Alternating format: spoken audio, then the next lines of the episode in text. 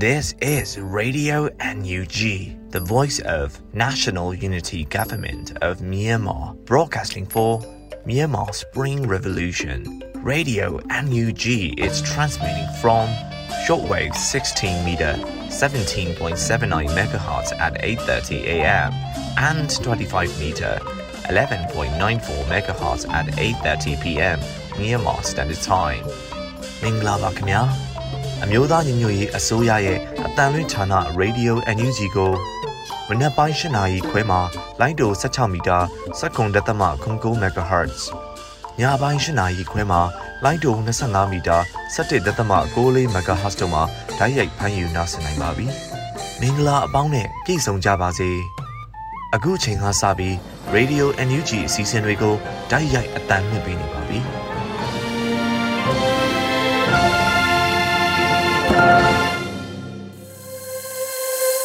မြန်မာနိုင်ငံသူနိုင်ငံသားအပေါင်းတဘာဝပေးဆရာနာရှင်ပေတို့ကနေကင်းဝေးပြီးကိုစိတ်နှစ်ပါးပေးကင်းလုံခြုံကြပါစေလို့ရေဒီယိုအန်ယူဂျီဖွဲ့သားများကဆုတောင်းမြတ်တာပို့သလိုက်ရပါတယ်ရှင်။အခုချိန်ကစပြီးပြည်တွင်းသတင်းများကိုတော့မျိုးဦးမိုင်မှဖတ်ကြားတင်ပြပေးတော့မှာဖြစ်ပါတယ်။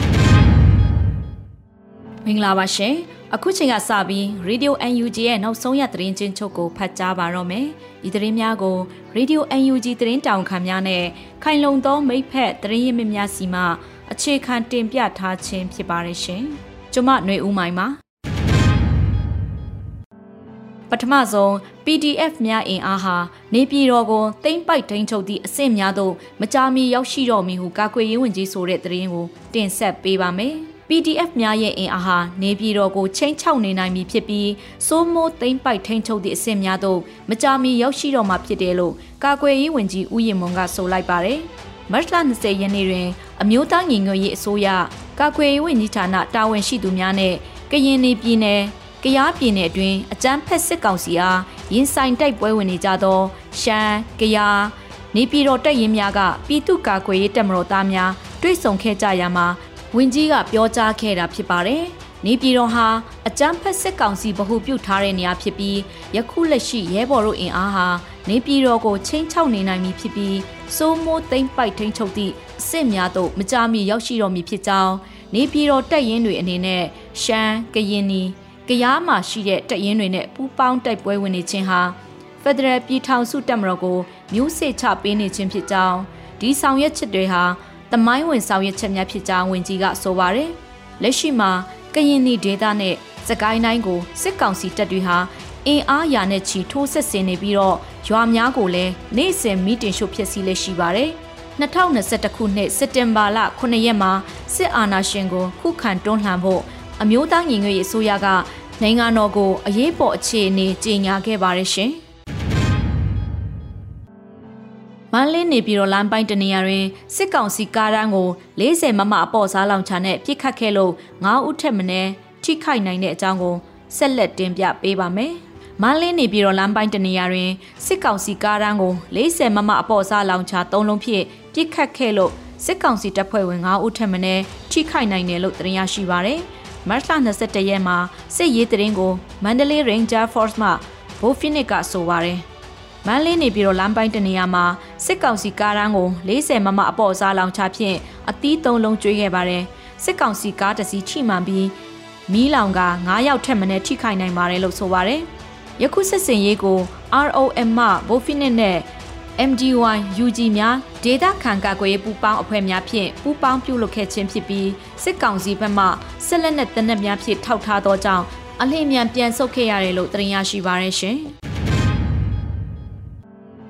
ဆက်လက်ပြီးမြောင်မြို့နယ် TGR တပ်ဖွဲ့ကအမျိုးသားညီညွတ်ရေးဆိုရထံမှမိုင်းတက်စင်ထုတ်လုပ်ရေးအတွက်ထောက်ပံ့မှုနှစ်ချိန်ရရှိခဲ့တဲ့သတင်းကိုဆက်လက်တင်ပြပေးပါမယ်။ စကိုင်းတိုင်းမြောင်မြုံနယ် TGR တပ်ဖွဲ့ကအမျိုးသားညီညွတ်ရေးအစိုးရထံမှမိုင်းတက်စင်ထုတ်လုပ်ရေးအတွက်ထောက်ပံ့မှုနှစ်ကြိမ်ရရှိခဲ့တယ်လို့သတင်းရရှိပါရယ်။မတ်လ21ရက်မှာ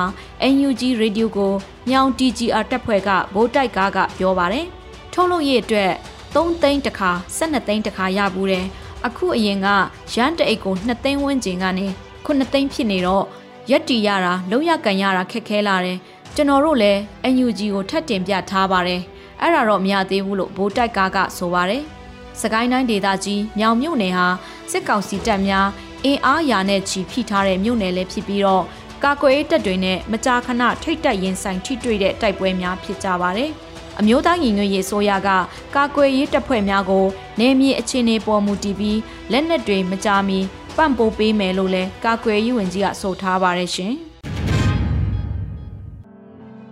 ဆက်လက်ပြီးလက်နက်အပြည့်စုံတဲ့ CDM ဝင်လာတဲ့စစ်သားကိုစုချင်းငွေ350ပေးအပ်သွားမယ်လို့ဆလင်းကြီး LDF ကကြေညာတဲ့သတင်းကိုတင်ပြပေးပါမယ်။လက်နက်အပြည့်စုံတဲ့ CDM ဝင်လာတဲ့စစ်သားကိုစုချင်းငွေ350ပေးအပ်သွားမယ်လို့ဆလင်းကြီး LDF ကကြေညာလိုက်ပါတယ်။မတ်လ21ရက်မှာဆလင်းကြီး LDF က CDM ဝင်လို့တဲ့စစ်ကောင်စီတပ်သားတွေကိုဖိတ်ခေါ်လိုက်တာပဲဖြစ်ပါတယ်။အာနာလူအကြမ်းဖက်စစ်ကောင်စီအဖွဲ့မှရုံးထွက်၍ ပြည်သူအားကိုးထိုက်သောတက်မတော်သားဖြစ်လိုပါကကျွန်ုပ်တို့အနေနဲ့အဆအဆအရာရာတာဝန်ယူပြီး full equipment လက်နက်အပြည့်စုံနဲ့ပြည်သူနဲ့အတူရက်တီက CDM ဝင်ရောက်လာပါကကျွန်ုပ်တို့ SLDF မှစုငွေ350ကျပ်တီတီနဲ့ခိုလုံခွင့်ပေးသွားမည်ဖြစ်ပါတယ်လို့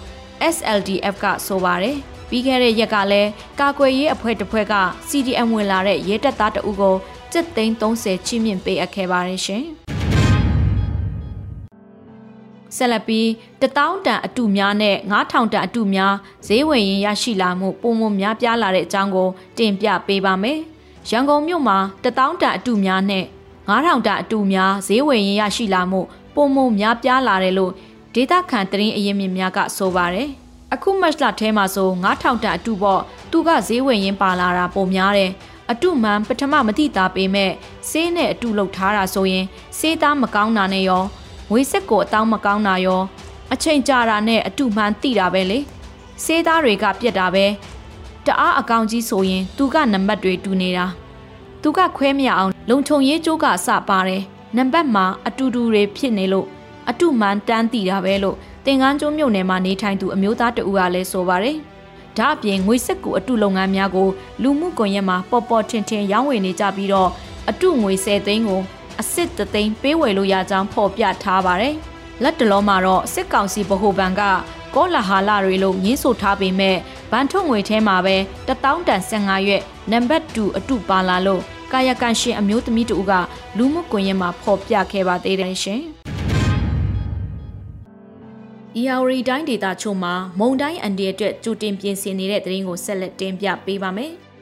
ဘင်္ဂလားပင်လယ်အော်မှာဖြစ်ပေါ်နေတဲ့မုန်တိုင်းအစ္စနီဟာနောက်12နာရီအတွင်းဆိုင်ကလုန်းမုန်တိုင်းဖြစ်အားကောင်းလာပြီးမြန်မာနိုင်ငံကိုဝင်ရောက်တိုက်ခတ်မယ်လို့ခန့်မှန်းရကြောင်းထုတ်ပြန်ကြေညာထားပါတယ်။မုန်တိုင်းဟာဒီကနေ့ညနေမှာကိုကိုကျွန်းအနီးနဲ့မနစ်ဖြန်အီယာဝရီတိုင်းဒေသကြီးဟိုင်းကြီးကျွန်းကိုဖျက်ကျော်ဝင်ရောက်မှာပါ။မုန်တိုင်းတရင်ကြတော့ရှစ်တာတွေမှာရေနဲ့အစားတောင်းနဲ့ချို့ပြင်ဆင်လို့ရတာတွေတော့ပြင်ဆင်နေတယ်။ပစ္စရှိရဲ့သူကလည်းရှိတယ်လို့ပြင်ဆင်တာပေါ့။ နာဂစ်လိုအခြေအနေဆိုရင်တော့အခက်ခဲတွေအများကြီးရှိလာနိုင်တယ်လို့လက်ပတာခရိုင်ပြင်စလိုမြို့ဒေသခံတူကပြောပါတယ်။ဒါအပြင်ပင်လယ်နဲ့နီးတဲ့အရက်ကဒေသခံတွေဟာလက်ပတာမြို့ပေါ်ကိုမုံတိုင်းရှောင်ရောက်လာကြတယ်လို့လည်းမြို့ခံတွေကဆိုပါတယ်။မိုးရွာသွန်းမှုနဲ့တူလေပြင်းတိုက်ခတ်တာမိုးထစ်ချုံရွာသွန်းတာတွေဖြစ်ပေါ်နိုင်လို့ကြိုတင်သတိပြုနေထိုင်ကြဖို့နဲ့ပြည်တွင်းလေကြောင်းပြန်တန်းတာကမ်းရိုးရမ်းတလျှောက်နဲ့ကမ်းလွန်ပြင်လေပြင်တို့က ကန်းနီကန်းဝေးငါးဖမ်းရည်ရင်တင်းမောတွေကြိုတင်သတိပြုနိုင်ဖို့သတိပေးထားပါတယ်။မုံတိုင်းတရင်ကြောင့်ငါးဖမ်းတင်းမောတွေပြန်ဝင်လာကြပြီးပင်လက်ထွက်တဲ့သူတွေလည်းကောင်းဝင်လာကြတယ်။မနေ့တည်းကရွာမှာမိုးတွေအုံနေပြီးဒီနေ့မနေ့တော့တနားရီလောက်ဆက်တက်ရွာတယ်။ကြိုတင်ပြင်ဆင်ထားတာတော့ဘာမှတော့မရှိသေးဘူးလို့ဖျာပုံခရိုင်ဘိုးကလေးမြို့နယ်ကတုံကနိဒေတာခန်တူကပြောပါတယ်။ မူလခမ်းမလမ်းကြောင်းတိုင်းရွေ့လျားပါကမော်တင်စွန်းထိပ်ကိုဖျက်ကျော်ချိန်မှာမုံတိုင်းဒီရေက9ပေကနေ6ပေခန့်ထိမြင့်တက်နိုင်ပြီးရခိုင်ကိုင်းရိုးတန်းကိုမတ်လ23ရက်ကမ်းဖြတ်ချိန်မှာဒီရေ9ပေခန့်ထိမြင့်တက်နိုင်တယ်လို့ထုတ်ပြန်ထားပါတယ်။ဒီသတင်းကိုတော့ Delta News မှထုတ်နှုတ်တင်ပြထားတာဖြစ်ပါတယ်ရှင်။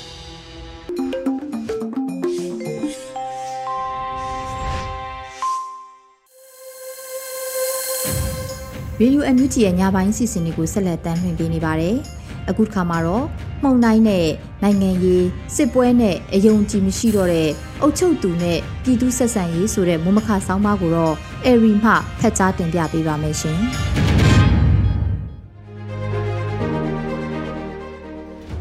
မုံတိုင်းတဲ့နိုင်ငံရေးစစ်ပွဲနဲ့အယုံကြည်မရှိတော့တဲ့အုပ်ချုပ်သူနဲ့ပြည်သူဆက်ဆံရေး ဘင်္ဂလားပင်လယ်အော်မှာစတင်ဖြစ်ပွားပြီးမြန်မာနိုင်ငံမြို့ဝကျုံးမော်ကိုဦးတည်လာနေတဲ့မုံတိုင်းဟာမက်လာရဲ့21ရက်ကနေ23ရက်အတွင်းကုန်းတွင်းဝင်ရောက်ဖွယ်ရှိပါတယ်။မုံတိုင်းရဲ့ပြင်းထန်မှုအဆင့်ကအနိုင်ဆုံးအဆင့်1ဖြစ်လို့ဖြက်စီးနိုင်စွမ်းအားကြီးမားမှာမဟုတ်ဘူးလို့မျှော်လင့်ရပေမဲ့ယတိပြတ်တော့မပြောနိုင်သေးပါဘူး။မက်လာလိုနေရသည့်အစာပိုင်းမှာမုံတိုင်းဝင်ရောက်တာဟာဖြစ်လေဖြစ်တာတိတ်မရှိပေမဲ့ခုနှစ်လာနီညာလို့ခေါ်တဲ့ပင်လယ်သမုဒ္ဒရာအပူချိန် ပုံမှန်ထက်အေးတဲ့ဖြစ်စဉ်ရဲ့အကျိုးဆက်လည်းဖြစ်ကောင်းဖြစ်ပါလိမ့်မယ်။ပြီးခဲ့တဲ့တပတ်ဝန်းကျင်ကလေးကဘင်္ဂလားပင်လယ်အော်ရဲစုဖွဲ့နေတဲ့လေပြင်းအားနဲ့ရဝံကပြောင်းလဲလာပြီးမုန်တိုင်းဖြစ်နိုင်ခြေရှိတယ်လို့မိုးလေဝသခန့်မှန်းချက်တွေထွက်ပေါ်နေပေမဲ့လည်းလူတို့အများကသတိမပြုမိကြပါဘူး။ဘာကြောင့်လဲဆိုတော့အစိုးရရဲ့သတင်းထုတ်ပြန်ချက်တွေရေဒီယိုရုပ်သံသတင်းစာစတဲ့အများပြည်သူမီဒီယာလိုမျိုးတွေကိုအာဏာသိမ်းတဲ့နောက်ကြည့်ရှုတာနှဲပါလာတဲ့အချက်ကအဓိကဖြစ်ပါလိမ့်မယ်။ ရဲရွာတွေရဲ့အုပ်ချုပ်ရေးတွေလည်းလူထုနဲ့ရန်သူတပွဲဖြစ်နေကြတဲ့အချက်ကြောင့်လဲအောက်ခြေမှာမုံတိုင်းအနေနဲ့ကြားရောက်လာရင်ဘယ်လိုကာကွယ်ရှောင်တိန်ကြရမယ်ဆိုတဲ့နှိုးဆော်မှုတွေလည်းမလုံနိုင်ကြတဲ့အနေအထားတွေဖြစ်နေတာတွေ့ရမှာဖြစ်ပါတယ်။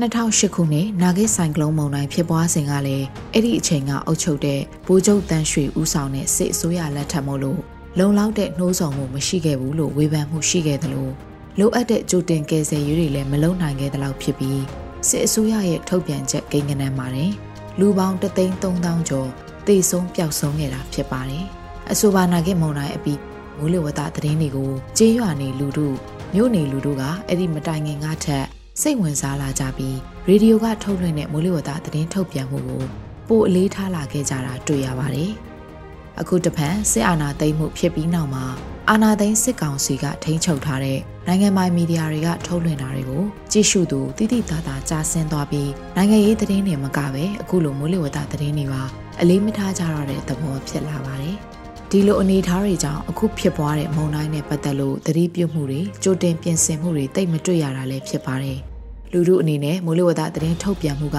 တဘာဝဘေးရန်ရဲ့ကြားရောက်နိုင်ခြေကို ကြိုတင်သတိပေးတဲ့အချက်သက်သက်ရဲလို့မရှုမြင်နိုင်တော့ပဲလူလူနဲ့ရန်သူတပွဲဖြစ်နေတဲ့စစ်အစိုးရကထုတ်ပြန်တဲ့သတင်းအချက်လက်ဆိုမိုးလေဝသဆိုင်ရာထုတ်ပြန်ချက်ကိုတော့အလေးမထားကြတော့တဲ့သဘောဖြစ်လာပါတယ်။အလားတူပဲအခုလိုလက်နက်ကင်တိုက်ခိုက်မှုတွေဖြစ်ပွားနေချိန်ရွာတွေမီးရှို့ခံနေရခြင်းစစ်ဘေးဒဏ်ကြောင့်ရောစစ်ကောင်စီရဲ့အုပ်ချုပ်ရေးဆိုင်ရာစီမံခန့်ခွဲမှုတွေတက်ရောက်မှုနည်းလာတာကြောင့်ပါတဘာဝဘေးရန်ရဲ့ကြားရောက်ခဲ့ရင်လူမှုအဖို့ပုံမှုခံစားရပွင့်ရှိပါတယ်။ ပြည်သူလူထုနဲ့အာဏာကိုထိန်းချုပ်ထားတဲ့စစ်ကောင်စီတို့အကြားမှာယုံကြည်မှုပြတ်ပြားနေခြင်းကတတိပေးမှုကြိုတင်ကာကွယ်မှုဘေးရန်ရဲ့ကြားရောက်ခဲ့ရင်ပူပေါင်းဆောင်ရွက်မှုအလုံးကိုပြတ်ပြားစေတာဖြစ်ပါတယ်။ဒါအပြင်တပူပေါ်နှစ်ပူဆင့်ဆိုသလိုတဘာဝဘေးရန်ရဲ့မုံတိုင်းနဲ့အချိန်ခါမဟုတ်မိုးရွာသွန်းမှုတွေကစစ်ဘေးကြောင့်နေအိမ်တွေမီးရှို့ခံရပြီးအမိုးအကာလုံလုံခြုံခြုံမရှိတဲ့စစ်ဘေးရှောင်မိသားစုတွေကိုကန်ဆိုးမှသွားရမိုးလိုက်လို့ရွာဆိုသလို ပုံမိုဒုက္ခရောက်စေမှာဖြစ်ပါတယ်။အာဆနီလို့အမည်ပေးလိုက်တဲ့အပူပိုင်းမုံတိုင်းကပြင်းထန်မှုအဆင့်မကြီးမားပေမဲ့လည်းမုံတိုင်းဝင်ရောက်မဲ့လမ်းကြောင်းကျတဲ့ပြည်နယ်တွေတိုင်းတွေကလူဦးရေထူထပ်တဲ့ဒေသတွေဖြစ်နေတာကြောင့်အဆုံးရှုံးရှိနိုင်ပါတယ်။ရန်ကုန်တိုင်း၊အေရဝတီတိုင်း၊ရခိုင်ပြည်နယ်တောင်ပိုင်းတို့ကမုံတိုင်းရဲ့တက်ရောက်မှုကိုအများဆုံးခံရနိုင်ပါတယ်။နိုင်ငံရေးအကြက်တဲ့စစ်ဘေးရှောင်နေကြရတဲ့အခြေအနေအောက်မှာ အခုတဘာဝဘေးဒုက္ခကိုထပ်ဆင့်ခံကြရအောင်မဲ့အဖြစ်ကတော့မြန်မာနိုင်ငံရဲ့ကံဆိုးမှုတစ်ခုလိုသာဆိုရတော့မယ်ထင်ပါတယ်။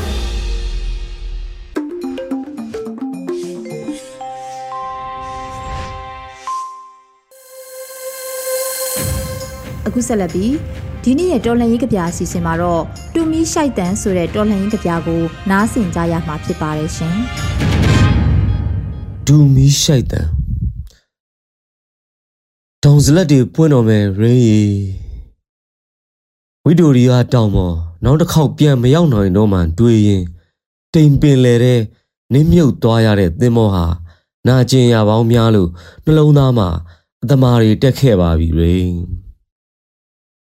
ခေါင်းထုစုံတောင်စလက်တွေဒီနှစ်မှာသွေးစွန်းတော့မယ်ထင်ပါရဲ့ရိခေါင်းထုစုံတောင်စလက်တွေဒီနှစ်မှာသွေးစွန်းတော့မယ်ထင်ပါရဲ့ရိ အာရှတိုက်အမြင့်ဆုံးမြေသားဖုံးလွှမ်းရာငါတို့အမတ်တရကုန်းခိုရာတောင်းနေရအမြင့်ပေထက်ငါတို့ပြန်တက်ခဲ့ရာ345မြို့သောငှက်တို့ရဲ့အတိုက်ဟာစူညံပေါက်ကွဲတံတွေနဲ့အချီတန်ခဲ့ပြီပေါ့အအခုလောက်ဆိုမျက်ခုံးပြူငှက်ပြ6ကလေးလဲဟိုးတောနဲ့နဲ့ထဲပုံအောင်နေလောက်ပြီရေနှာခေါင်းနဲ့ပလွေမှုတ်သူအဖွားလဲတောတောင်တနေရာမှာ ထင်းဆူလေးတွေမီးဆွဲဖို့အမော်တကောဟော်ဟဲလိုက်အောင်ကုန်းမှုန်နေရရှာရောပေါ့စပွဲဝိုင်းရင်ကျေးမှုဟာတူမီးလောက်လုံးမဖြစ်မှန်လူတလိษံတွေကြောင့်နားလေခဲ့ရပါတယ်ရေငါတို့တန်ရအနာတရားတွေဟာကမ္ဘာသတင်းမီဒီယာတွေရဲ့စက္ကန့်မိနစ်ပိုင်းလောက်အာသာဖြည့်စရာဒီလိုပါပဲရင်းရီဘေးအိမ်မှာနာရေးရှိပေမဲ့ကို့အိမ်မှာတိတ်မပြောင်းလဲသလိုပေါ့ အန်မာတကားဖွင့်ဖွင့်ပိတ်ပိတ်တောင်တရုတ်ပင်လယ်မှာလင်းရင်တင်သင်္ဘောကြီးပဲစိုက်စိုက်ငါတို့အမိုက်ကိုငါတို့လှဲရမှာမဟုတ်လားရေခေအဆက်ဆက်နောက်ကျဆုံးပြည်နယ်မှာအစောဆုံးပန်းတွေပွင့်ပြကြွေပြခဲ့တာလူသားဆန်တဲ့ဒိုးဘိုးဘားတွေရဲ့အမွေပဲပေါ့လက်တန်းနဲ့ရေးလို့မှမလှရင်လက်ညှိုးကွေးပြီးရွေးရဲရမယ်လေစနစ်ကိုတိုက်တာဆိုတော့အမြစ်ကိုချိုးဖို့လိုတယ် ငါတို့ဝေးရအောင်မှပေါ့လောလောဆယ်တောင်ရပြန် rain blind တွေကဟင်းသီးဟင်းရွက်တွေအောက်တစ်ခွတစ်ခတ်ဝှက်ခဲ့ရတဲ့တရခါငါပဲပေါ့ရေစလိုက်နေအရန်လေတယ်လေဘင်းကငွေဆွဲကြိုးကလေးကိုင်းရှက်ပြုံးဆဆနဲ့ခေါင်းငုံစာဟိဟိုးလိုကြီးစေစတော့ရုတ်တရက်မျက်ဝန်းလေးပင့်နှကန်းလေးကိုက်လက်နုနုတွေနဲ့ပြန်ထုရိုက်တဲ့နင်ပါးမှာတစ်ခွရနံ့နေတင်းလို့ ဖို့ငှက်ကြီးကတစားစားအော်လို့ခိုးလိုပွဲတော်ပြီးရင်နင်းပေါင်စီခွန်တောင်းနှစ်ယောက်ထဲကဘာတီမဲ့အိမ်မက်တွေလဲနှင်းဆက်တွေလူနေရောင်မှာညွတ်တွဲပြိုကွဲခဲ့ရပြီရေပြည်တဲ့နဲ့ဝမ်းရည်ထက်လွမ်းရည်ခက်တဲ့ဗမာစကပုံနဲ့ငါမှတ်မိသမျှနေမရှိမှတိတိတာတာပါပဲရေမိုးလုံးပြေလောကရန်တဲ့ကြက်ခိုးဆွဲဘဝများယူဖိတ်နေပုံ ရေဘဝဆိုတာဖူးဝေလင်းမြခွင့်မရခင်မသေးအောင်ရုန်းကန်ဖောက်ထွက်တကိုင်းကျိုးယုံနဲ့ညှိုးချုံသွားစရာမှမလိုတာကွယ်အဲ့ဒီလိုပဲကို့အနာကိုရှာနဲ့တက်လိုက်ရတယ်ရေနင်းကိုနောက်ဆုံးမြင်လိုက်ရတဲ့မြင်ကွင်းမှာစူညံပွက်လောရိုက်နေတဲ့ကဘာပြက်သေးအရေးတွေအယောင်တွေဖြက်ခနဲဖြက်ခနဲလျက်စီးလက်လို့အဲ့ဒီနေ့ကပြာရာခန့်နေတဲ့နင်းဟာ အထုပ်ပိုးတွေမနိုင်မနှင်းပယ်ရင်မိโกငွေတွေတထောင်ထောင်ထနေတဲ့ရွာကလေးစီတမင်လဲပြန်လှဲ့ကြည့်လှဲ့ကြည့်လေအဝိမှာပဝါစာလေးလွတ်လာသလိုလူရန်ကြီးကလည်းတောဆက်ကနေတရွေ့ရွေ့မီဇိုရန်လားတောတောင်တနေရလားသွားပြီအုံတော်ရေးကမ္ဘာနိုင်ရန်ဘဏခုမြေချောင်းပင်လေဘဏခုငါတို့ကြားမှာချားနေတယ်လေ နိုင်ငံတော်အာဏာဆိုတဲ့သူယူကြိုက်အလွာတလွာပဲဖြစ်မယ်။ခြောက်ချားပွဲတိတ်ဆိတ်တဲ့ညအမှောင်နဲ့မီးကြည့်ခဲရဲရဲပေါ်ငားလိပ်ပြအတောင်တစ်ဖြက်ဖြက်ခတ်မိပေါ့ရေရီဒေါ်လာရေးဆိုတာဝညက်ကသလိုပါပဲရေအကွက်ကြကြမနှင်းနိုင်ရင်ရန်သူလက်ဖြားမှာအသက်ပါသွားနိုင်တယ်ဟန်တစ်ချက်မှားရင်ဇီဝင်ပြတ်သွားနိုင်တယ်ဒါပေမဲ့ငါမကြောက်ပါဘူးရေရဲ့ ဒို့ဖိုးအားရဲ့ပရဲတွေလိုစွဲကင်စိတ်နှလုံးနဲ့ကျူးရမ်းမော်လျှောက်ရန်သူနဲ့ဓာချင်းရှင်ပေါက်စဲဘလောက်အော်အော်မကြားတဲ့နားတွေအတွက်မျက်လုံးတစ်လုံးအတွက်မျက်လုံးတစ်လုံးနားတစ်ဖက်အတွက်နားတစ်ဖက်ပေါ်ရေနင်းနှလုံးသားပေါ်ကမျက်ရည်ဇက်တွေအတွက်ဘုံစံထီလိုပျောက်ဆုံးသွားရတဲ့နေမောင်လေးခြေတစ်ဖက်အတွက်မိโกလုံးတွေရဲ့ခြေတော်တင်ချင်းခံရတဲ့ရွာကလေးအတွက် မဝေခင်ကြွေခဲ့ရတဲ့ပန်းတွေအတွက်တစ်ချက်ချင်းတထောင်ချင်းငါပြန်ယူခဲ့ပါမယ်ရေရေနိုင်ငံမြေပုံကိုဖက်လို့လိမ့်ငါတို့ဘဝကိုဆေးလို့သိမ့်အရသာခံဖွာရှိုက်တတ်တဲ့လူစန်းစားရှိနေသည်တူမီတလက်နဲ့အောက်ချင်းငှက်ဟာချင်းတောင်တန်းပေါ်မှာဆက်လက်ပြန်တန်းနေမယ်ပြာသောကောင်းငင်ဒီမိုကရေစီလူသားသချင်းတန် ဒုကဘာမှာစီပင်ဝေလန်လာတဲ့တနေ့ပြန်လဲစုံတွေးကြမယ်ရေတန်တရားဆွဲတော်ပင်အောက်ငါတို့ဘယ်တော့လောက်တရွက်ဖြစ်မလဲစစ်ချောင်စခန်းတနေရာကရိကျမ်းမာပါစီကွယ်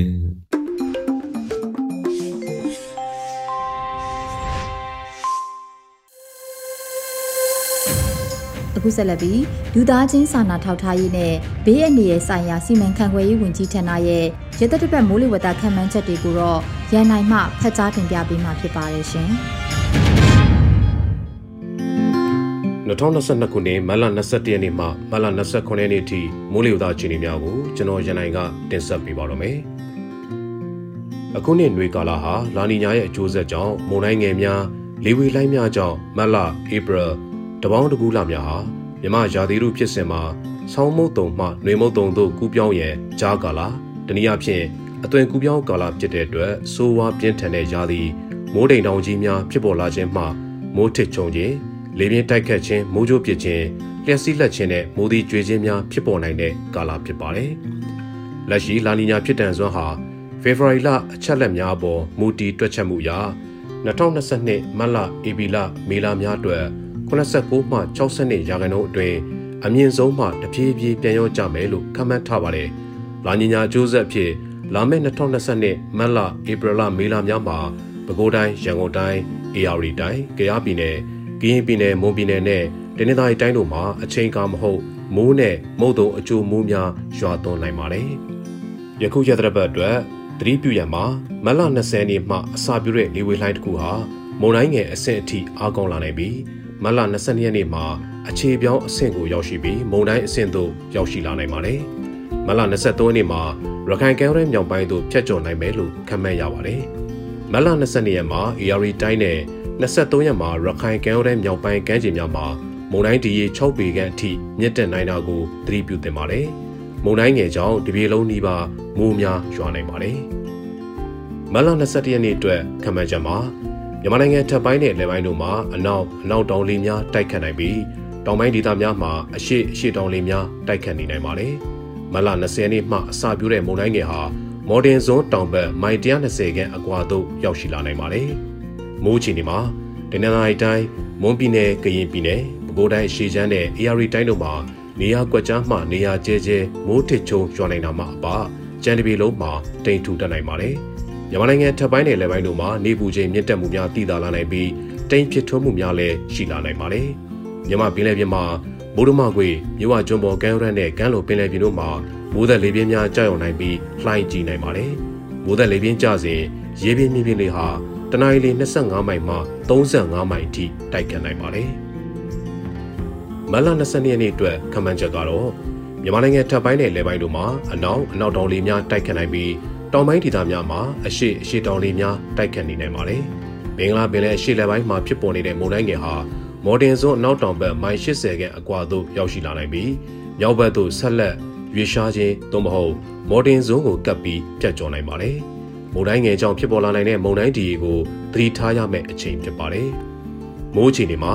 နေပြည်တော်ရခိုင်ပြည်နယ်တောင်ပိုင်း တနင်္သာရီတိုင်းမွန်ပြည်နယ်ကရင်ပြည်နယ်ပဲခူးတိုင်းရန်ကုန်တိုင်းနဲ့ AR တိုင်းတို့မှာနေရာကွက်ကြားမှနေရာကျဲကျဲမိုးထစ်ချုံရွာနိုင်တာမှအပါကြံတပြေလုံးမှာတိမ်ထူတတ်နိုင်ပါတယ်။မြန်မာနိုင်ငံအထက်ပိုင်းနဲ့လယ်ပိုင်းတို့မှာနေပူချိန်မြင့်တက်မှုများတည်တာလာနိုင်ပြီးတိမ်ဖြစ်ထွန်းမှုများလည်းရှိလာနိုင်ပါတယ်။မြမပင်လယ်ပြင်မှာမိုးဒမကွေမြဝကျွန်းပေါ်ကမ်းရိုးတန်းနဲ့ကမ်းလွန်ပင်လယ်ပြင်တို့မှာမိုးသက်လေပြင်းများကျရောက်နိုင်ပြီးလှိုင်းကြီးနိုင်ပါတယ်။မိုးသက်လေပြင်းကျစဉ်ရေပြင်းမြေပြင်းလေးဟာ တနအီလ35မိုင်မှမိုင်40အထိတိုက်ခတ်နိုင်ပါတယ်။မတ်လ23ရက်နေ့အတွက်ခန့်မှန်းချက်ကတော့မြန်မာနိုင်ငံထပ်ပိုင်းနဲ့လယ်ပိုင်းတို့မှာအနောက်အနောက်တောင်လေများတိုက်ခတ်နိုင်ပြီးတောင်ပိုင်းဒေသများမှာအရှိအရှိတောင်လေများတိုက်ခတ်နေနိုင်ပါတယ်။ဘင်္ဂလားပင်လယ်အရှိလယ်ပိုင်းမှာဖြစ်ပေါ်နေတဲ့မုန်တိုင်းငယ်ဟာမြောက်ဘက်သို့ဆက်လက်ရွေ့လျားလာနိုင်ပြီးကြောက်ဖြူမြို့ရဲ့အနောက်တောင်ဘက်မိုင်တရာခန့်အကွာသို့ရောက်ရှိလာနိုင်ပါတယ်။နောက်24နာရီအတွင်းစစ်တွေမြို့တောင်ဘက်မှကမ်းကိုဖြတ်ကျော်နိုင်ပါတယ်။ စစ်တွေခရိုင်နဲ့ကြောက်ဖြူခရိုင်တို့မှာမုန်တိုင်းဒီရီကိုသတိထားသင့်ပါတယ်။မိုးချီနေမှာဒီပြည်လုံးမှာနေရာကွက်ကြားမှနေရာကျဲကျဲမိုးထစ်ချုံရွာနိုင်ပြီးရခိုင်ပြည်နယ်မှာနေရာကွက်ပြီးမိုးကြီးနိုင်ပါတယ်။မြမပင်လယ်ပြင်မှာရခိုင်ကမ်းရိုးတန်းမိုးဒမကွေမြဝကျွန်းပေါ်ကမ်းရိုးတန်းနဲ့ကမ်းလွန်ပင်လယ်ပြင်တို့မှာမိုးသက်လေပြင်းများကျရောက်နိုင်ပြီးလှိုင်းကြီးနိုင်ပါတယ်။မိုးသက်လေပြင်းကျစဉ်ရေပြင်းမြေပြင်းလေးဟာတနအီလ35မိုင်မှမိုင်40အထိတိုက်ခတ်နိုင်ပါတယ်။ မလ24ရက်နေ့အတွက်ခံမှန်းချက်မှာမြန်မာနိုင်ငံထပ်ပိုင်းနဲ့အလဲပိုင်းတို့မှာအနောက်အနောက်တောင်လေများတိုက်ခတ်နိုင်ပြီးတောင်ပိုင်းဒေသများမှာအရှိအရှိတောင်လေများတိုက်ခတ်နိုင်ပါတယ်။မုန်တိုင်းငယ်ဟာရခိုင်ကမ်းခြေကိုဖျက်ကျော်ဝင်ရောက်ခဲ့ပြီးကုန်းတွင်းမှာအားပြော့ပြက်ပြက်သွားနိုင်ပါတယ်။မိုးချိန်တွေမှာမမုန်တိုင်းအကျွင်းအကျယ်တိမ်တိုင်များကြောင့်ဒီပြည်လုံးမှာနေရာကွက်ကြားမှနေရာကျဲကျဲမိုးထစ်ကြုံရွာပြီးမွန်ပြည်နယ်နဲ့တင်းနင်္သာရီတိုင်းတို့မှာနေရာကွက်ပြီးမူကြည်နိုင်ပါတယ်။မြမပြည်လည်းပြည်မှာ တောင်အနောက်တောင်ဘက်မှလေများဟာတနအီလ9မိုင်မှ10မိုင်ထိတိုက်ခတ်နိုင်ပြီးလှိုင်းအသင့်တင်ရှိနိုင်ပါတယ်။မလ25ရက်နေ့အတွက်ကမ္ဘာချက်မှာမြန်မာနိုင်ငံအထက်ပိုင်းနဲ့လယ်ပိုင်းတို့မှာအနောက်လေများတိုက်ခတ်နိုင်ပြီးတောင်ပိုင်းဒေသများမှာအနောက်တောင်လေများတိုက်ခတ်နိုင်ပါတယ်။မိုးချီတွေမှာစကိုင်းတိုင်းအောက်ပိုင်းမန္တလေးတိုင်းမကွေးတိုင်းရှမ်းပြည်နယ်နေပြည်တော်နဲ့ပဲခူးတိုင်းတို့မှာတိမ်အသင့်တင်ဖြစ်ထွန်းနိုင်ပြီးကြံဒေသများမှာနေရာကွက်ကြားမှနေရာကျဲကျဲမိုးထစ်ချုံရွာက မွန်ပြည်နယ်နဲ့ဒင်းနိုင်တိုင်းတို့မှာနေရာကွက်ပြီးမူကြည်နိုင်ပါတယ်။မြမပင်လယ်ပြင်မှာတောင်အနောက်တောင်ဘက်မှလေဟာတနအီလ9မိုင်မှ10မိုင်အထိတိုက်ခတ်နိုင်ပြီးလှိုင်းအသင့်တင်ရှိနိုင်ပါတယ်။မလ26ရက်နေ့အတွက်ခန့်မှန်းချက်ကတော့မြန်မာနိုင်ငံထပ်ပိုင်းနဲ့လယ်ပိုင်းတို့မှာအနောက်အနောက်မြောက်လေများတိုက်ခတ်နိုင်ပြီးတောင်ပိုင်းဒေသများမှာအနောက်တောင်လေများတိုက်ခတ်နိုင်ပါတယ်။မိုးချီနေမှာစကိုင်းတိုင်းအထက်ပိုင်းကချင်ပြည်နယ်မွန်ပြည်နယ်နဲ့တနင်္သာရီတိုင်းတို့မှာ နေရာကွက်ကြားမှနေရာကျဲကျဲမိုးတိတ်ကြုံကျော်နိုင်ပြီးကြံဒေသများမှာတိမ်အသင့်တင့်ဖြစ်ထွန်းနိုင်ပါတယ်။မြမပြည်နယ်ပြင်မှာအနောက်အနောက်မြောက်ဘက်မှလေဟာတနအီလ9မိုင်မှ10မိုင်ထိတိုက်ခတ်နိုင်ပြီးလှိုင်းအနှဲငယ်ရှိနိုင်ပါတယ်။မလ29ရက်နေ့အတွက်ခံမှန်းချက်ကတော့မြန်မာနိုင်ငံအထက်ပိုင်းနဲ့လယ်ပိုင်းတို့မှာအနောက်အနောက်မြောက်လေများတိုက်ခတ်နိုင်ပြီးတောင်ပိုင်းဒေသများမှာအနောက်တောင်လေများတိုက်ခတ်နိုင်ပါတယ်။ မိုးချီနေမှာစကိုင်းတိုင်းတပ်ပိုင်းကချင်ပြည်နယ်ကရင်ပြည်နယ်မွန်ပြည်နယ်နဲ့တင်းနင်္သာရီတိုင်းတို့မှာနေရာကွက်ကြားမှနေရာကျဲကျဲမိုးတိတ်ချုံရွာနိုင်ပြီးကြံဒေသများမှာတိမ်အသင့်တင်ဖြစ်ထွန်းနိုင်ပါတယ်။မွန်ပြည်နယ်ကရင်ပြည်နယ်နဲ့တင်းနင်္သာရီတိုင်းတို့မှာမက်လ30ရက်အထိမိုးဆက်လက်ရွာနိုင်ပါတယ်။မြမပင်လယ်ပြင်မှာအနောက်အနောက်မြောက်ဘက်မှလေဟာတနအီလ9မိုင်မှ10မိုင်ထိတိုက်ခတ်နိုင်ပြီးလှိုင်းအနှဲငယ်ရှိနိုင်ပါတယ်ခင်ဗျာ။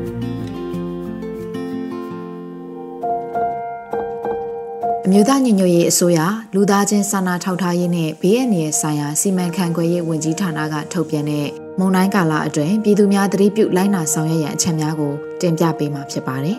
။မိုးရသည့်ကာလတွင်ပြည်သူများအနေဖြင့်သတိပြုလိုက်နာဆောင်ရွက်ရန်အတိပေးပန်ကြားခြင်းမုံတိုင်းဘေးဆိုင်ရာသတိပေးချက်မုံတိုင်းသတိပေးချက်ရလျင်ရေအစားအစာအရေးပေါ်အသုံးပစ္စည်းများနဲ့အရေးကြီးစာရွက်စာတမ်းများကိုမိမိနဲ့အတူထားပါ။ မိုးလေဝသသတင်းများကိုကြည့်ရှုနားထောင်ပြီးအကြံပြုချက်များကိုလိုက်နာပါဘေးလွတ်ရာနေရာသို့ပြောင်းရွှေ့ရန်လိုအပ်ပါကပြောင်းရွှေ့ခိုးလုံးပါမုံတိုင်းဘဟုဖြတ်တန်းနေစဉ်အတွင်းခိတလေးငိမ့်နေတော့လဲမကြမီအချိန်တွင်စန့်ကျင်ဘက်ရက်မှပုံမပြင်းထန်သည့်လေများတိုက်ခတ်နိုင်ကြောင်းသတိပြုပါရေကူးခြင်းရေထဲတွင်လမ်းလျှောက်ခြင်းမှရှောင်ခြင်းပါတလိမ့်ဆန်များကိုချီနှောင်ထားခြင်းမှရှောင်ခြင်းပါလေမုံတိုင်းအာရော့သွားခြင်းတွင်အိမ်အပြင်ထွက်ခြင်းမြစ်ကမ်းနာကမ်းခြေကမ်းနဖူးသို့သွားရောက်ခြင်းမှရှောင်ခြင်းပါ မုံတိုင်းအန်နီရဲ့ကင်းရှင်းကြောင်းသတင်းထုတ်ပြန်သည့်အထိဘေးကင်းသောနေရာတွင် နေထိုင်ပါဆက်လက်ပြီးရေဘေးဆိုင်ရာသတိပေးချက်များကို တင်ပြပေးပါမယ်။ရေကြီးခြင်းသတိပေးချက်ရလျင်ရေအစားအစာအရေးပေါ်သုံးပစ္စည်းများနဲ့အရေးကြီးစာရွက်စာတမ်းများကိုမိမိနဲ့အတူထားပါ။ရေကြီးနေချိန်တွင်လျှက်စစ်ပစ္စည်းများကိုအသုံးမပြုဘဲခလုတ်များပိတ်ထားပါ။မိုးလေဝသသတင်းများကိုကြည့်ရှုနားထောင်ပြီးအကြံပြုချက်များကိုလိုက်နာပါ။ ကမ်းမပြိုတဲ့သဖြင့်မြစ်ချောင်းကမ်းမအနီးသို့သွားခြင်းမှရှောင်ခြင်းပါရေထဲတွင်ရေကူးခြင်းလမ်းလျှောက်ခြင်းတို့ကိုရှောင်ခြင်းပါတလိษံများကိုချီနှောင်ထားခြင်းမှရှောင်ခြင်းပါယံအမျိုးသားညီညွတ်ရေးအစိုးရလူသားချင်းစာနာထောက်ထားရေးနဲ့ဘေးအန္တရာယ်ဆိုင်ရာစီမံခန့်ခွဲရေးဝန်ကြီးဌာနကအသိပေးပန်ကြားထားပါတယ်ရှင်။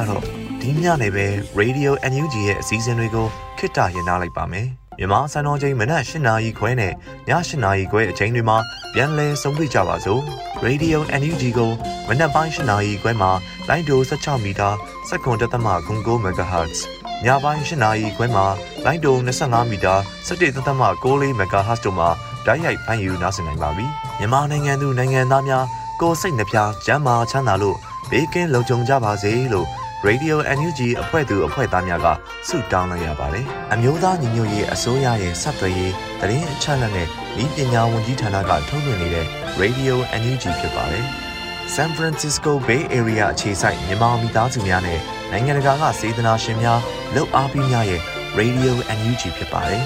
။အရေးတော်ပုံအောင်ရမည်